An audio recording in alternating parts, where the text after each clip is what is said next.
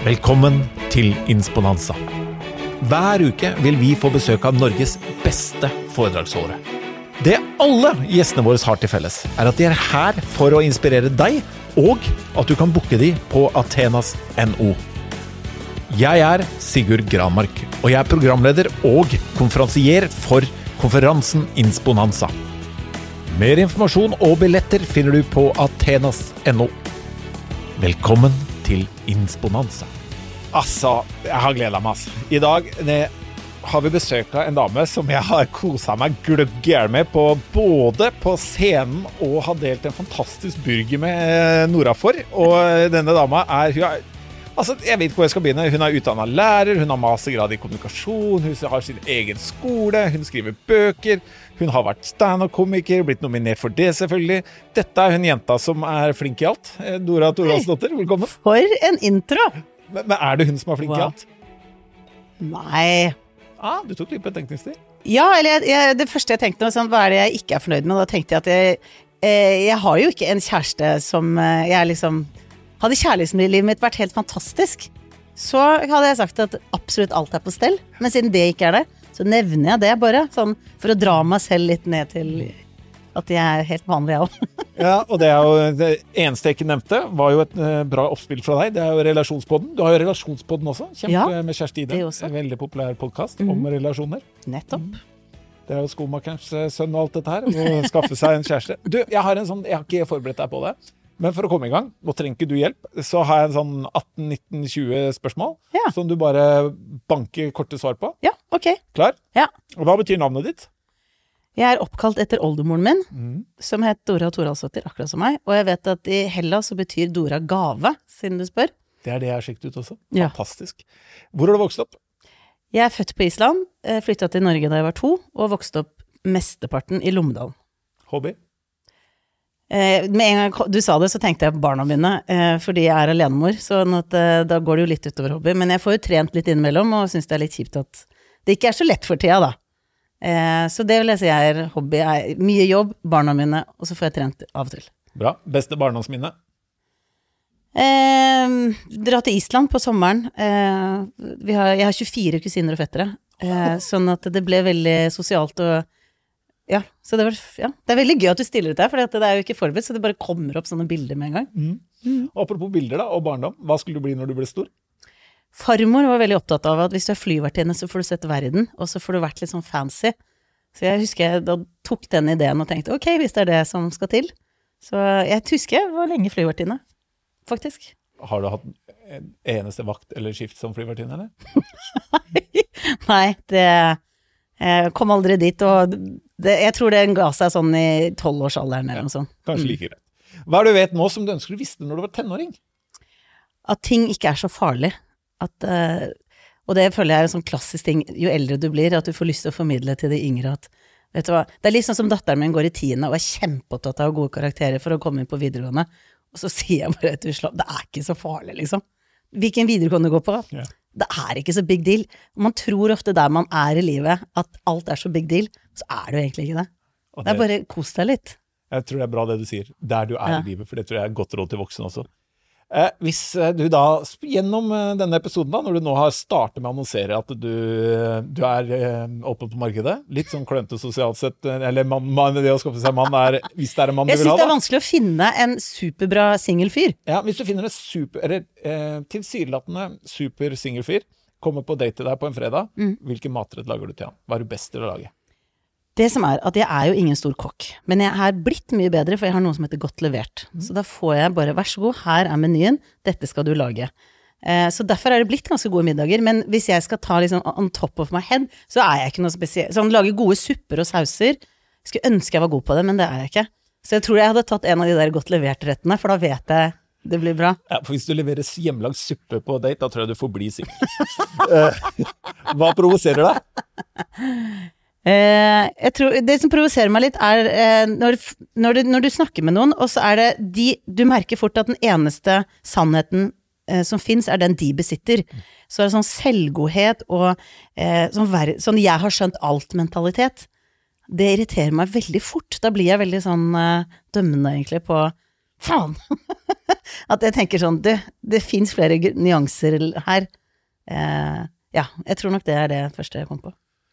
Skjønner at det er provoserende. Hva gleder deg? Hva gleder meg. Mm.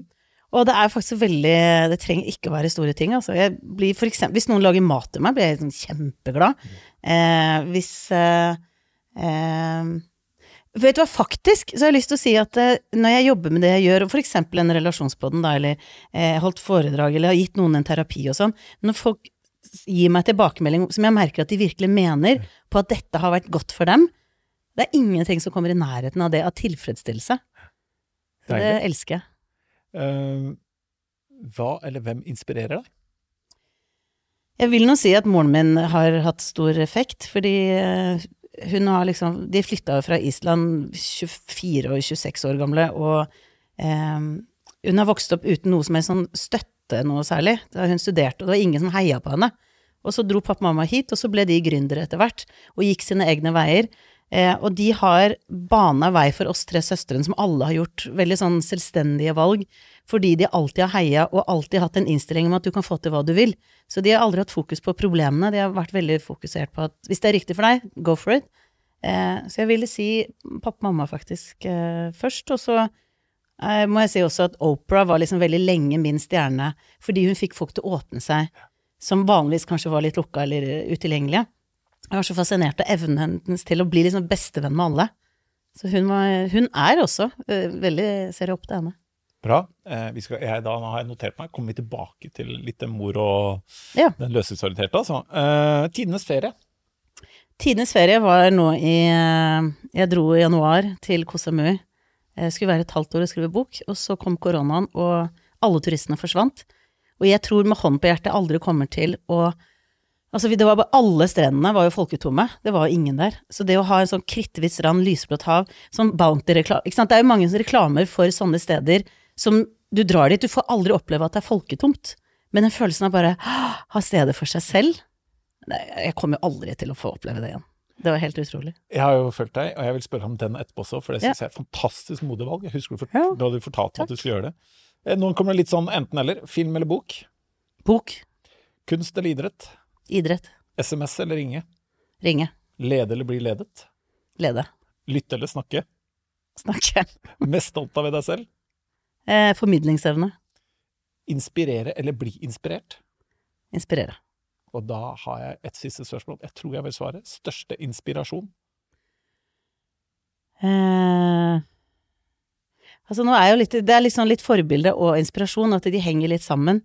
Eh, og jeg tror kanskje fordi at hun har vært der hele livet mitt med mamma, så er det på en måte Jeg tror kanskje den transformasjonen hun har hatt som person, har liksom skjedd rett foran meg, hvor hun gikk fra å være en autoritær mor som var veldig sånn pappfigur, hadde ting på stell, og det viktigste var å være ren og pen i tøy, og hadde liksom fokus på fasaden, da. Og så begynte hun å jobbe med seg selv, og ble seg selv, eh, og bøy på seg selv, og utdanna seg som familieterapeut i en alder av 50, og, og før det så drev hun eget firma og sånn, men hun liksom, hun hadde en sånn voldsom reise som har inspirert eh, veldig. Eh, det blir en hyllest til mamma her, men ja. bra, det. ja. Jeg vi, Men jeg, jeg synes, det har vært så veldig mye lettere for meg, da, at hun har gjort det jeg har gjort etter henne. Jeg tror det er verre å være den som gjør det først. Ja, og så tror jeg hvis du ser på hvis man, De som har eh, foreldre som begynner å bli godt voksne, da, hvis du ser på årstallene de har vokst opp, så har de nok hatt ganske mye tøffe utfordringer, og, både på Island og de som har foreldre som har vokst opp i Norge, som vi har sluppet, som jeg Ja. tror vi skal respektere. Det jeg synes det er veldig bra. Det du prater om å se problemer, eh, eller løsninger, da, og ikke problemer, og det å ta tak i ting, og, og som hun har gjort med seg selv. EQ, den, den skolen som du har, altså det å utdanne EQ-terapeuter. To ting. Eh, hva er EQ, og hva er en EQ-terapeut? EQ E står for emosjonell intelligens, og det er eh, noe som kommer mer og mer i ordforrådet, føler jeg. Og det er jo noe som heter EQ-ledelse på BI og sånn, så det begynner å komme mer. Men fremdeles så trenger jeg å forklare hva det er. Men jeg håper etter hvert at det begynner å bli mer allmenngyldig. Men det det handler om, emosjonell intelligens handler jo veldig mye om å kunne gjenkjenne egne følelser og gi uttrykk for de, og, og også kunne møte andre på de følelsene de har. Og egentlig kan man jo si at EQ er veldig knytta til selvfølelse, hva du syns om deg selv. Og den terapiformen, bare elegant gå over dit, handler om å bygge opp selvfølelsen din, som fikk sannsynligvis da en knekk i barndommen, så ved å gå tilbake til barndommen mm. eh, og snakke med deg selv som barn. Du lukker øynene og går inn i det. Vi hjelper deg med noen teknikker sånn at du liksom får tak på den følelsen. Og så går du inn i barndommen eh, og ser deg selv og snakker til deg selv og bearbeider det du har opplevd, da. Og det er rett og slett at medisinen er kjærlighet, egenkjærlighet. Og det er så fantastisk å se mennesker som kommer og kanskje sier at jeg har lav selvfølelse, eller er usikker på meg selv, eller eh, jeg vet ikke hva jeg vil bli, eller hvem jeg er. Det er mange ulike utfordringer, og så lukker du øynene og går inn i det og snakker med seg og bygger seg selv opp, da. For det er jo en egenkjærlighet du har for deg selv som barn, som er veldig ren. Så da sier du de tingene du ikke fikk høre som barn, kanskje. Eh, og så adopterer du deg selv på, på et vis, da. Og det, det er EQ-terapi, rett og slett. Ja, og jeg, eh, jeg, har sjekket litt ut om det før vi skulle snakke her nå, da. Og man ser jo eh, Jeg ser jo både at det anvendes, som du sier, på høyskole, mm. og inn mot ledere og ledelse. Mm. Og uh, i næringslivet. Altså den selvfølelsesbiten da, som jeg tror vi blir utfordra både privat og ikke minst i jobb eh, mm. mer og mer, og også nå under eh, korona og eh, når møtene er Teams og vi ikke har de knyttingene med hverandre, og det å lure på om du er god nok, da. Mm. Og, sånn, det tror jeg bare aggregeres mer og mer, egentlig. Og også med, med ambisjoner, da. Hvis man skal ta tak, som du sier, i, i livet ditt og, og, tørre å våge, da, og, å gjøre ting. Men er eh, er hva, Hvis du kan si Dora er, hva jobber du med? Hva, hva er det du jobber med? Det var en, en som jobber som medierådgiver, som sa du driver med veldig mye forskjellig, men det du trenger å finne ut av, er hva er prosjektet ditt? Fordi at alle valg du da kommer inn i, så vet du om ting er riktig eller ikke ut ifra hva, hva er prosjektet ditt. Da kan du liksom sammenligne med det, og da vet du om dette er rette veien å gå eller ikke. For jeg drev og snakka om at jeg var litt frustrert, for det var så mange veier å gå, da. Ja. Og så sånn, hva er prosjektet ditt? Og det har jeg skrevet, rett og slett, og vet at det handler om å bygge opp selvfølelsen til særlig norske kvinner. Fordi kvinner har lettere for å be om hjelp enn det menn har, og de oppsøker mer. Det som jeg tenker da, det er at vi, vi er mest tro våre egne.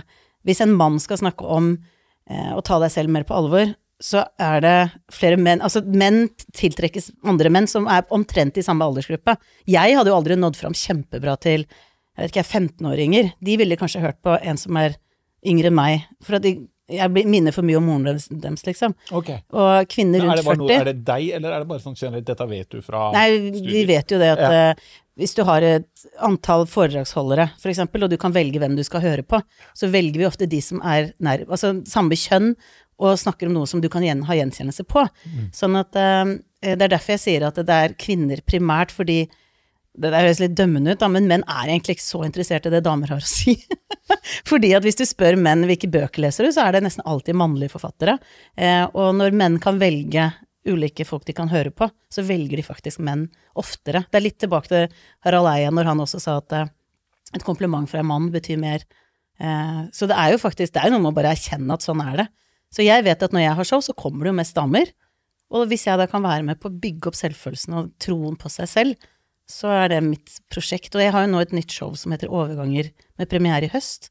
Eh, som handler om at jeg nærmer meg 40, jeg er 47 år, og jeg nærmer meg overgangsalder, og jeg vet ingenting, for vi har klart å gjøre det skamfullt eh, å bli eldre. Som er altså så komisk i seg selv, hvor jævlig dustete det er. Tenk deg det, at dette her halve jordas befolkning skal gjennom det. Og menn har jo også sin overgangsalder. Mm. De får jo Alle får nedsatt sexlyst, og dere mister jo håret, og dere får pupper, og testosteronet går ned, og dere blir så veldig følsomme etter hvert som dere blir eldre. Og det er jo kjempekomisk. Om kvinner blir jo Østrogenet går ned, ikke sant, og vi blir jo mer og mer um, driter i alt og fuck you og blir rasende på restaurant hvis potetene er kalde. Hvor vi var kanskje 25 og aldri turte å si ifra. Så det er jo kjempekomisk hvordan vi endres når vi er rundt 50. Det er ingen som har tatt tak i det. Så jeg føler meg bare helt Det er som å finne en brønn i en ørken og bare what? Er det ingen som har funnet dette som tema?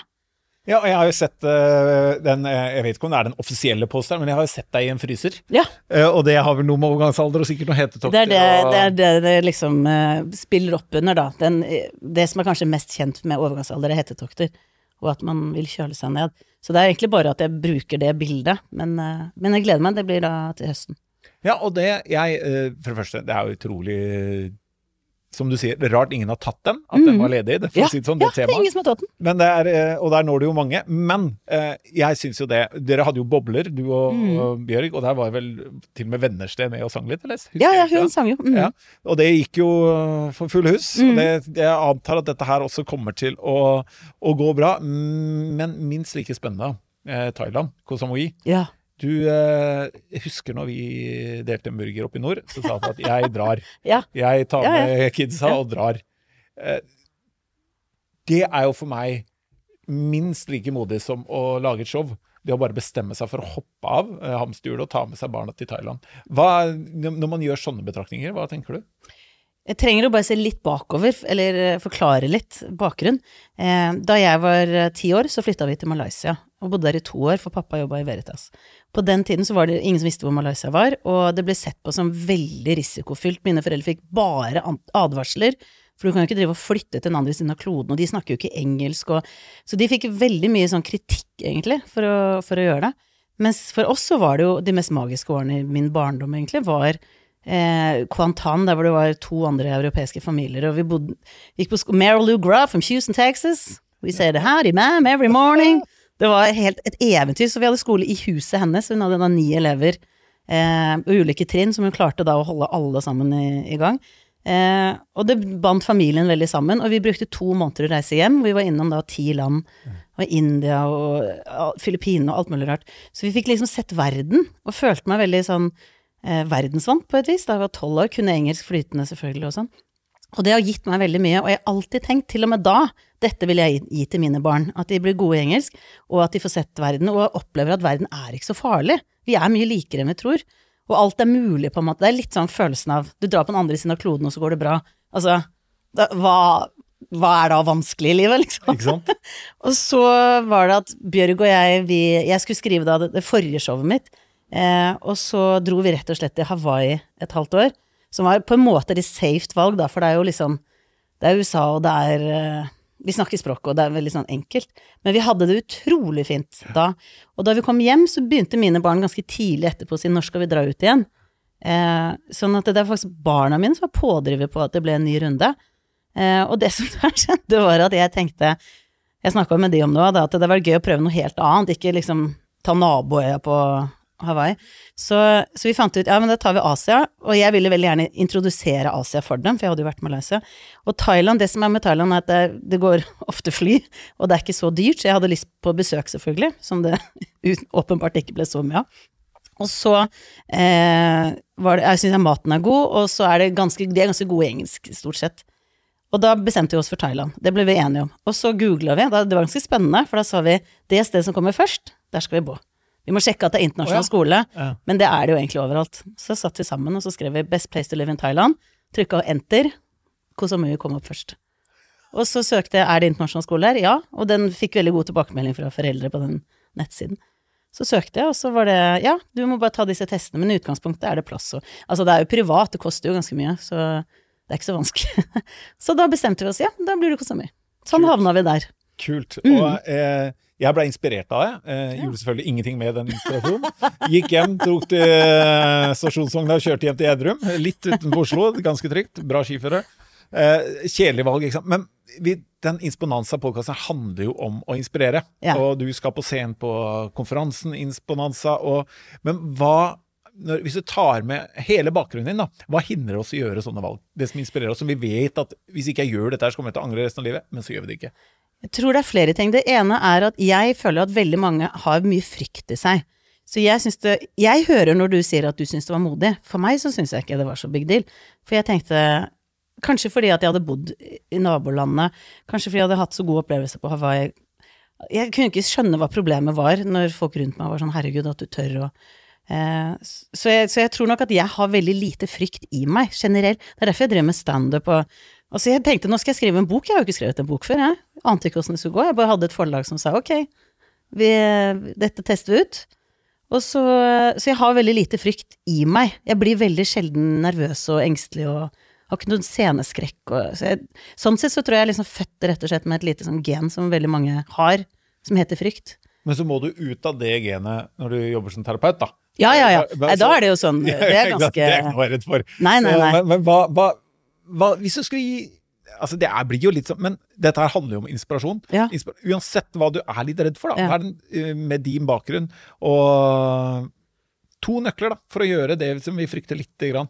Om det er å reise til Thailand, eller om det er å gjøre noe helt annet det du har gått og ventet Ja. på. Hva vil du sagt? Jeg tror det som kan være nyttig å vite, er jo at uh, når man tegner visuell trygghetssonen, så er det en sånn liten sirkel, så står det comfort zone. Og så er det en stor sirkel rundt, og så står det i den store this is where the fun happens, ikke sant. Og det som viser seg når de forsker på lykkefølelse, er at du trenger faktisk å gå ut av komfortsonen jevnlig, fordi det bor i oss mennesker en iboende lyst til å vokse, til å utvikle oss. Det er noe vi ønsker. Det er derfor folk som blir arbeidsledige så fort synker ned i en depresjon, eller som er sykemeldt over tid. Det er en følelse av å stillstand og stå på stedet hvil. Så dette her med å føle at eh, jeg forflytter meg, jeg er ikke på samme sted. Eh, og det kan bare være greit å minne om at eh, det å tørre å gjøre noe du egentlig syns er skummelt, det gir deg faktisk en lykke... Altså hvis man tenker sånn what's in it for me, da, så er det en lykkefølelse av å gjøre noe, og så kanskje få det til, og ikke nødvendigvis kjempesuksessfullt, men bare at det gikk. En sånn følelse av at den trygghetssirkelen min har vokst. Jeg har eh, jeg har blitt rikere, jeg har For jo, jo større den trygghetssirkelen er, jo mindre blir jo skummel verden, fordi du er alltid innafor den sirkelen, på en måte. Verden blir veldig snever hvis du alltid gjør det samme dag inn og dag ut. Hele tida. Men hvis du jevnlig går litt ut av komfortsonen, så blir det mer og mer trygt å være deg, for du vet at det går jo bra uansett. Ja. Så jeg tror den, det å vite at eh, det gir deg en glede å våge å gå utafor, og så tror jeg faktisk, nå har jeg vært terapeut så lenge, at det er klart oppveksten oss, vår preger oss, og hvis vi har hatt foreldre som har vært veldig trygghetssøkende og livredde for alt som er risikofylt, så er det noe med kanskje å gå inn i det og finne ut av hva er mine sannheter, og hva er foreldrene mine sannheter, og klare å differensiere, for veldig mange bare tar med seg det ukritisk, det foreldrene mente, og så blir det en del av deg, istedenfor å tenke ja, men dette mener jo ikke jeg. Så jeg tror det det er en sånn bevisstgjøring rundt det. For jeg, den første Veldig mange sa da jeg sa jeg skulle til Thailand, var å, det har jeg også lyst til, men det, det kan jeg ikke for jeg har boliglån. Så sa jeg men jeg skal jo ha avdragsfritt lån, så leier jeg ut mens jeg er borte, så jeg har jo ingen utgifter med å bo. Og jeg, får, jeg går jo i pluss på dette her. Så solgte jeg bilen. Og så hadde jeg jo spart opp penger, og, og bo sånn i Altså, middag kosta jo seks kroner for fried rice, liksom. Sånn at det er mye som eh, det tre, Økonomi trenger faktisk ikke å være så stort hinder. Nei, og det er jeg, jeg, jeg er helt enig i, og det lille jeg har på det området, er ofte eh, bare lat som du skal gjøre det. Lag planen. Eh, bare lat hele tiden som du skal gjøre det, og Mm. så legger du hele hvordan du skulle legge det opp, og så ser du etterpå om du har lyst. Ja. Jeg tror man glemmer rett og slett bare det praktisk, og bare gå til verks og se er det mulig. Mm. Man, akkurat og jeg tror det er en bra beskrivelse dere sier, man, man etablerer sånne sannheter.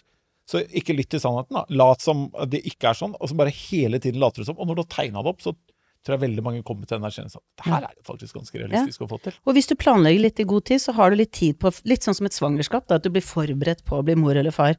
Eh, at det, det er en sånn Ok, nå drar vi dit. Det er liksom, jeg føler at det er mange som har dratt kanskje til Australia tre år fram i tid, har de planlagt det.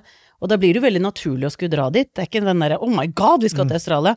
Og det samme er jo sånn bestemme seg for å gjøre noe, at hvis du har det litt i god tid, så får du liksom Du blir vant til tanken, da. Som jeg tror kan hjelpe også. Bra. Eh, vi skal til et nytt tema, Ja. som du er veldig godt forberedt på. Jaså, er det det? Nei, det er ikke det.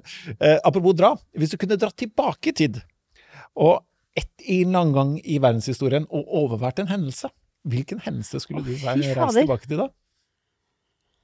Eh, overvære en hendelse da eh, Vet du, det er veldig Altså, det, det er sikkert fordi at datteren min driver og holder på med eh, De skulle ha fokus i norsk på effekten av hvordan en tale kan påvirke folk. Og da satt hun på kjøkkenet i ja, tors, ja, forrige uke eh, og hadde på I Have a Dream med Martin Luther King. Så jeg satt og hørte Jeg lagde mat, og så hørte jeg talen. Og jeg hadde frysninger så mye, og tenkte tenk å få til å skrive noe sånn som vi så mange år, 60 år senere, blir helt rørt av og helt satt ut av. Så bare, og så var det jo bilder fra når han sto på den plassen og alt det der. Så sånn, Sikkert fordi at jeg akkurat da, historisk bevitnet det, så var det det som poppa opp nå, at Fy fader, ass! Oh my god, det er bare evnen Og jeg tror kanskje det er en fascinasjon også fordi jeg syns jo det å formidle er meningen med livet mitt, rett og slett. Og det gjør jeg jo ved å skrive og snakke og prate og holde på. Eh, og for en formidlingsevne. Så jeg tror jeg beundrer det veldig. Skulle gjerne vært der. Jeg skulle gjerne vært der, og det er den, både talen og budskapet Mm. og eh, hva den omhandlet, Mm. var jo så ekstremt viktig. Men har du noe forbilde sånn retorisk eller formidlingsmessig en du ser opp til? Um, jeg, jeg, jeg vil ikke liksom name-droppe en eller annen her, men ehm, jeg har jo sett en del på TED og sånn, uh, og blir veldig sånn Jeg legger merke til at med en gang folk har en personlig historie å komme med, det er, altså det er ingenting som overgår det. Så egentlig er alle som er gode historiefortellere, med seg selv i sentrum, på en måte. Altså når, jeg syns jo Brené Brown, for eksempel, er helt fantastisk. Hun har forska mye på skam. Men troverdigheten hennes går jo i taket når hun snakker om hvor mye skam hun har følt på selv. Og, og hun hadde en øh, første sånn TED-talk hun hadde, hvor hun var så flau. Hun hadde sånn fylleangst, liksom, for hun gikk av scenen og bare tenkte nå har jeg utlevert meg så sinnssykt. Jeg som er liksom forskeren, har innrømmet at jeg måtte gå i terapi og rydde opp og sånn. Og så gikk hun og la seg og tenkte det er godt ingen ser på dette her, og dagen etter så var det 25 millioner som hadde sett det, eller et eller annet. Og hun bare å, fy fader. Men, men det er bare et eller annet med den derre personlige vrien, og at du har levd det du snakker om. Og det trenger ikke alltid være så dramatisk historie, men å by på seg selv. Så in general, og det er det også med standup som jeg holdt på med, at det, det er en sånn regel som er veldig klar, og den er sånn det er ikke noe som bare går ut på dato. Det, dette er regelen i standup, og så mye annet, er at du kan ikke gjøre narr av andre før du har gjort narr av deg selv, for da blir du uspiselig. Eh, så det å liksom snakke stygt om andre og sånn, det kan man slippe unna med, men du, da må du ta deg selv først. For ellers så blir du bare en ekkel person. Du får tillatelsen til det når du har starta med det. Ja. Synes Eh, ja. Hvis du da tar det med Brené Brown og andre som, eh, som, som Nesten når du ser summen av alle, og vi alle har vårt, hva tenker du rundt det at jeg tror folk ser rundt seg og tenker at de er alene om problemene sine, at dette gjelder bare meg, med alle de samtalene du har hatt, Ja. eh, terapeuter. Hvor, hvor står vi igjen der? Jeg blir jo veldig fortvila, for jeg syns eh, generelt så er det så mange som har så lave tanker om seg selv. Og jeg treffer så mye flotte mennesker som indre dialogen er så destruktiv og så negativ og så stygg med seg selv. Eh, og så tror veldig mange at de er alene om å ha det reisefølget da, som bare hakker og kritiserer. Og der føler jeg at eh, vi trenger nesten en dugnad, altså, med å være snillere med oss selv. For denne janteloven sitter så hardt i, og den der pietistiske holdningen på at eh, du er, må ikke tro du er noe sånn eh, Det har liksom forplanta seg så mye, da, og det handler jo selvfølgelig om Du var inne på dette med forrige foreldregenerasjon, og, og langt Altså alle ledd bakover har jo ikke vært spesielt gode på å ta vare på seg Altså alt har jo handla om overlevelse. Så de har ikke vært Jeg husker farmoren min sa til meg en gang at jeg er så fascinert at dere snakker om ordet lykke i generasjonen din. Fordi jeg må ærlig innrømme at det har aldri vært et ord i mitt vokabular. Og, men det tenker jo at altså hun mista moren sin og fire søsken i tuberkulose som barn. Før hun var elleve, så hadde hun mista fem familiemedlemmer. Eh, og så handla det om å overleve. Og hun hadde sånn religiøs forhold til poteter. Da vi hadde poteter hjemme, så var hun helt sånn «Åh, Dette var liksom det var, altså Hun fikk nesten tårer i øynene når hun snakka om poteter, for hadde det ikke vært for poteter, så hadde de daua for lengst, liksom. Dette her var det som redda dem. Eh, så det er klart, og dette her er to Det er min farmor, liksom. Det er ikke langt tilbake. Og du sitter jo ikke og tenker sånn Hva føler jeg i dag? Hvordan har jeg det egentlig? De hadde jo ikke noe tid til å tenke på det. Det var jo bare survival. Eh, så det er jo først vår generasjon som sitter på toppen av Maslows behovspyramide og, og kan sitte oppi navlen vår og rote rundt i den. Ja, og det, det er nesten sånn generasjon selvrealisering, da. Ja. Men og jeg synes jo, jeg prøver å være veldig bevisst på det. Eh, altså Den kvaliteten på de spørsmålene jeg stiller meg selv, da, Mm. og hva jeg bruker tid på. Og ofte så ser jeg at når jeg roter meg bort, så er det at nesten at jeg har for små problemer. da. Dette Tilbake til dette prosjektet ditt som du prater om, og det å ta tak i noe, gå ut av den komfortsonen. Det er noen ganger liksom Hvordan har, har vi kommet dit at de problemene vi har, ble problem? Og øhm, den indre dialogen og hva du tillater deg, og hvilken karusell du hopper på. Har du noen tips der? Hvordan man kan jobbe med indre dialog? Ja, det som er at eh, det er fire trinn, rett og slett. Ehm, og det første er å legge merke til hva du sier til deg selv, for det går ikke an å endre på noe før du er bevisst det. Eh, så det er jo det første, og særlig hvis du kanskje har gjort noe du ikke er helt fornøyd med, eller settinger du ikke pleier å være stolt av deg selv i, så bare legg merke til hva du sier, for det er mye dette er så mye autopilot. Så hvis du tar det og, og tenker fader, du får ikke til noen ting, eller du er så dårlig, eller hva det er, Når du tar deg i å tenke det, så er det nummer to, og det høres litt rart ut, men det å knipse eller vifte eller eh, fysisk ha med kroppen, for det, det er mye mer effektfullt enn å bare tenke bort, bort. Så liksom noe med å ha med Beveg deg som om du vil liksom Dette vil jeg ikke ha.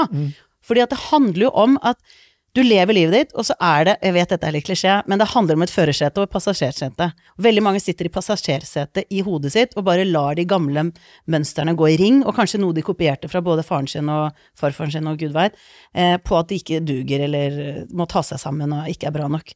Eh, og det handler om å sette seg i førersetet og tenke jeg bestemmer hva jeg tenker i hodet mitt, dette gidder jeg ikke mer.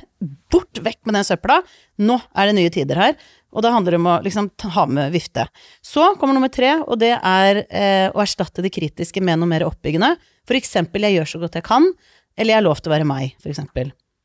Så kommer det fjerde, som er veldig viktig. Hvis du sier til deg selv 'jeg gjør så godt jeg kan', eller 'jeg har lov til å meg', med en lut kroppsholdning, så er det de signalene du sender til kroppen din, er at 'jeg har ikke noe særlig verdi'. Så det er helt avgjørende at du faktisk retter deg opp når du sier det, for å tro på det. For hver gang du retter deg opp og sier det og tro på det, så vil du faktisk klare å endre en tankemønster. For et tankemønster går jo fra A til B i hjernen, eh, og det blir veldig automatisert. Jeg kjenner jo jeg, jeg hadde jo en i terapi for ikke så lenge siden som så seg i speilet. Hver gang hun så seg i speilet, så tenkte hun jeg er motbydelig. Det ordet, motbydelig. Fordi faren hennes hadde sagt det. For hun var overvektig. Jeg har fått lov til å si dette, by the way. Um, men han sa hele tiden du er motbydelig, for hun var overvektig fra hun var liten. Så hun fortsatte å si det, og så begynte hun da å Jeg er bra nok som jeg er. Ja. Jeg duger. Så dette her funker faktisk, men det er utrolig mange som Men det jeg skulle si, da, det var at tankemønsteret hennes var at jeg motbydelig var den fra A til B i hjernen, og dette her er å gå en sti ved siden av hver gang du gjør det, og så blir det, kan det bli en ny motorvei. Altså, jeg elsker jo sånne én, to Altså, en, Ja, ja. legg merke til tankene Konkret. dine. To, øh, knikk, knips, altså Ja. få det vekk. Bruk kroppen til å få det bort. Erstatte med noen bedre tanker, Ja. nye tanker, og vær bevisst på kroppsholdninga di. Det er liksom Ja, rett deg opp når du sier det. Du en, ja, Det er faktisk- Kjempebra. Det er et engelsk uttrykk som er 'motion is emotion'. Ja. Så bevegelse er en følelse. Og det merker jo Sånn som noen ganger når jeg har foredrag, så ber jeg alle om å ta skuldrene frem, haka ned. Husker du Mette-Marit i starten? Litt sånn 'jeg skal bli dronning'. Alle bare Ja, det Vi ser at du gleder deg. Men den derre litt sånn Hun har ikke det nå lenger, altså. Men eh, å sitte sånn, og så ber jeg alle om å sitte veldig sånn stusslig, på en måte, og så si og Nå vil jeg alle si 'jeg heter', og så sier navnet. Og da er det sånn Alltid dette har skjedd Det er uten unntak. Så blir det ganske lavt, så sier folk 'jeg heter'. Så sier jeg ok, fram med puppa, opp med brøstet, skuldrene bak, haka opp. Sitt oppreist, og så vil jeg at dere sier det en gang til.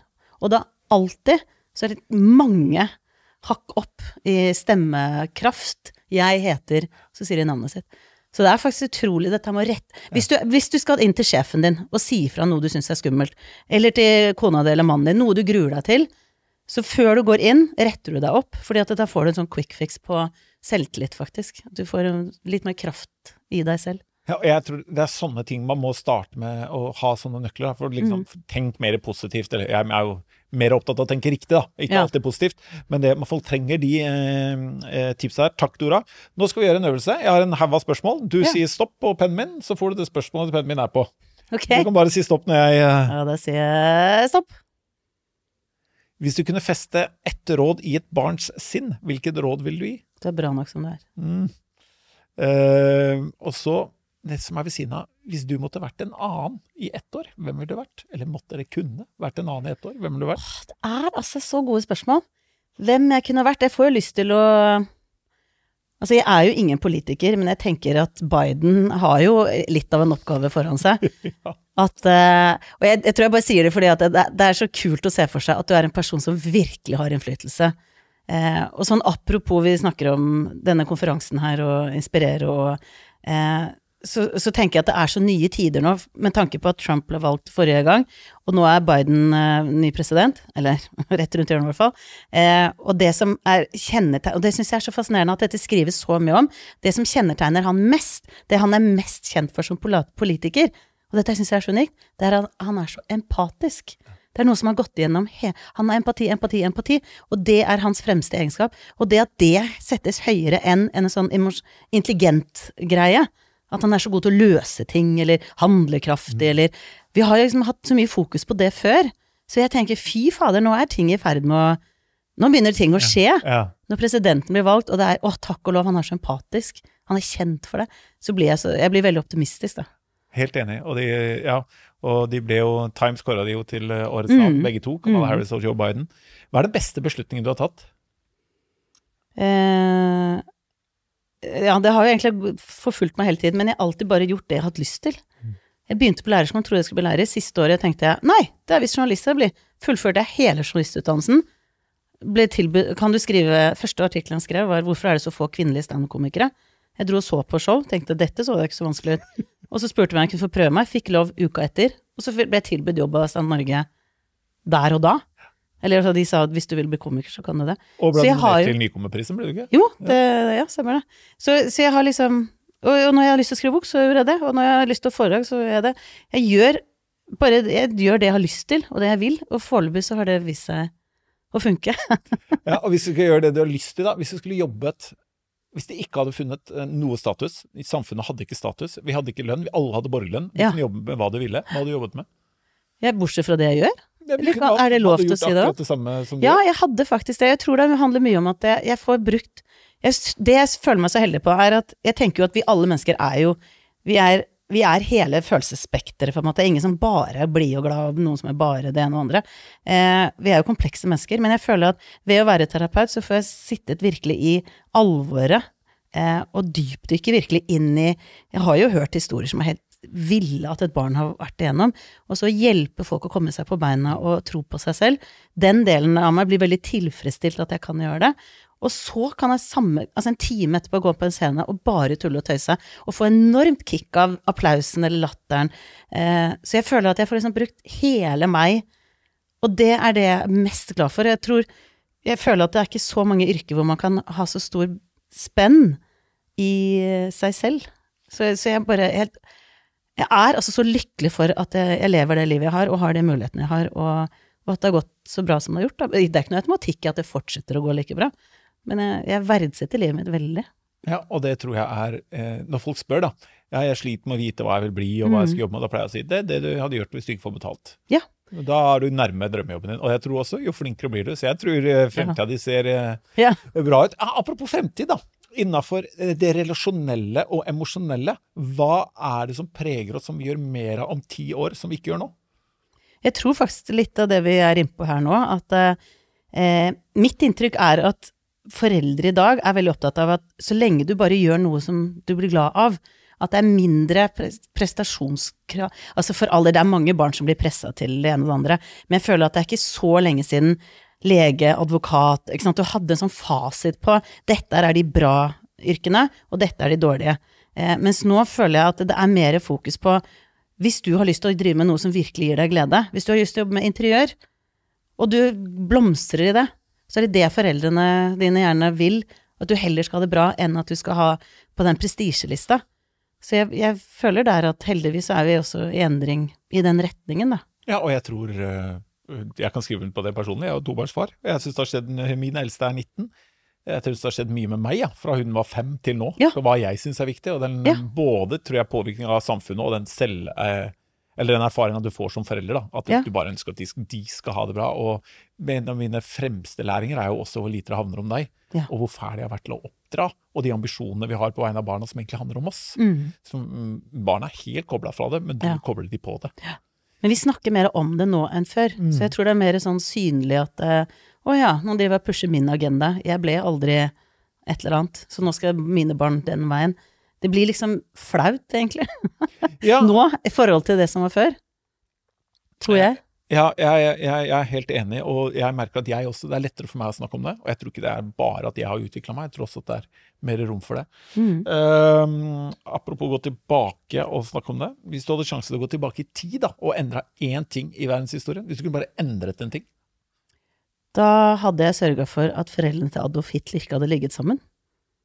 Det er et bra valg, tror jeg. At jeg hadde på et eller annet vis gått inn eh, så de aldri ble et par, så ikke han ble til. Jeg, jeg syns det er mer empatisk å si det enn at jeg hadde kverka han eller tatt han som baby. det, det var jo sånn forferdelig, men at, at han ikke ble født. Så hadde jo en kanskje verden sett litt annerledes ut, da. Det hadde sett ganske mye annerledes, Ja. tror jeg. Faktisk, vi så i går siste episode av Atlantic Crossing, eh, guttungen, eller han er jo 16 nå, og jeg, og da sjekka, spurte han var Hitler noen gang i Norge, og da måtte vi sjekke det, og det var han ikke engang. Nei, det, Så han fikk ødelagt mye, men ikke, han var aldri her, eh, lærte jeg i går. Eh, Nest siste spørsmål. Hva er det beste rådet noen har gitt deg? Um, jeg lurer på om eh, Da jeg begynte med eh, standup, så var Jonny Christiansen han som tok imot alle de nye. Uh, og det ble Han sa det, og jeg hørte jo flere andre si det også, men jeg tok det veldig til meg, det var 'finn din stil'. Eh, ikke bli en kopi. Og det, det tror jeg at i alt jeg har gjort, så er liksom Ja, det er liksom blitt min greie. At jeg gjør ting på min måte. Ja, så det, det, det, det, liksom, kom inn som et tips på én en arena, men jeg har egentlig tatt det over hele at eh, det er veldig fort å skulle kopiere noen, og så tenke at da blir det bra. Men det er mye mer givende å gå din egen vei. Og, så, og det er ikke det at du skal lykkes nødvendigvis, for jeg tenker at det, er jo Det er jo litt sånn eh, vi har, Jeg føler at vi har hatt veldig sånn feil fokus på hva er suksess, hva er det å lykkes. For, sånn som julebrev, da, som man kunne få før, så var det sånn Se, vi har vært på Seychellene, og så har vi vært på hytta, og vi har gått tur, og se så lykkelige vi er. Og så er det alltid vellykkede, og så skal de begynne på den skolen og den skolen. Så er det sånn skrytebrev. Og så har jeg en kusine på Island som er mye mer sånn jeg har hatt en ganske reise på det og det, og personlig kjenner jeg at jeg har hatt så mange glade dager, og veldig sånn på det indre livet, liksom. Eh, hvor jeg har tenkt at dette er jo det som er suksess. Og det er ikke det at hun har en sånn veldig prestisjejobb, eller Jeg tror ikke noen hadde sett på livet hennes og sagt dette er terningkast seks-liv, ut ifra de målestokkene vi har, mens man ser på andre og gir det terningkast seks. Men etter å ha vært terapeut i så mange år, så vet jeg at det handler jo ingenting om alt det ytre. Folk kommer inn med de mest suksessrike historiene og utad, alt på stell, men så er den indre dialogen kjip, og de bærer på en følelse av å ikke være nok, og veldig usikre. Så den derre indre tryggheten, tenker jeg at det er jo det som teller, det er det som er viktig. Og det tror jeg det rådet han Jonny ga deg med å ikke være en kopi, da. Ja. At du gjør mye av det som ligger nære deg, og ikke um, blir prega av hva du tror andre forventer, eller hvordan andre gjør ting, som gjør at du aldri kommer fram. Siste spørsmål. Mm. Er det noe jeg burde spurt om som jeg ikke har spurt om?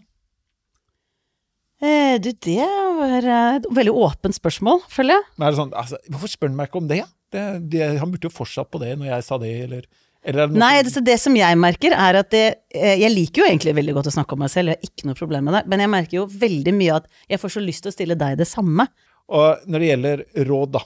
Eh, du, hvis, hvis du vil vite mer, ha flere råd fra Dora, så kan du booke henne på athenas.no. Og det rådet Jonny ga deg, ja, men ikke være en kopi Altså, lykke til de som skal kopiere deg, for jeg er ganske sikker på at det finnes bare én eh, Dora Toralsdotter. Og tusen takk for at du Det var var med. veldig hyggelig. Tusen takk. Hver uke vil vi få besøk av Norges beste foredragsholdere. Det alle gjestene våre har til felles, er at de er her for å inspirere deg, og at du kan booke de på athenas.no.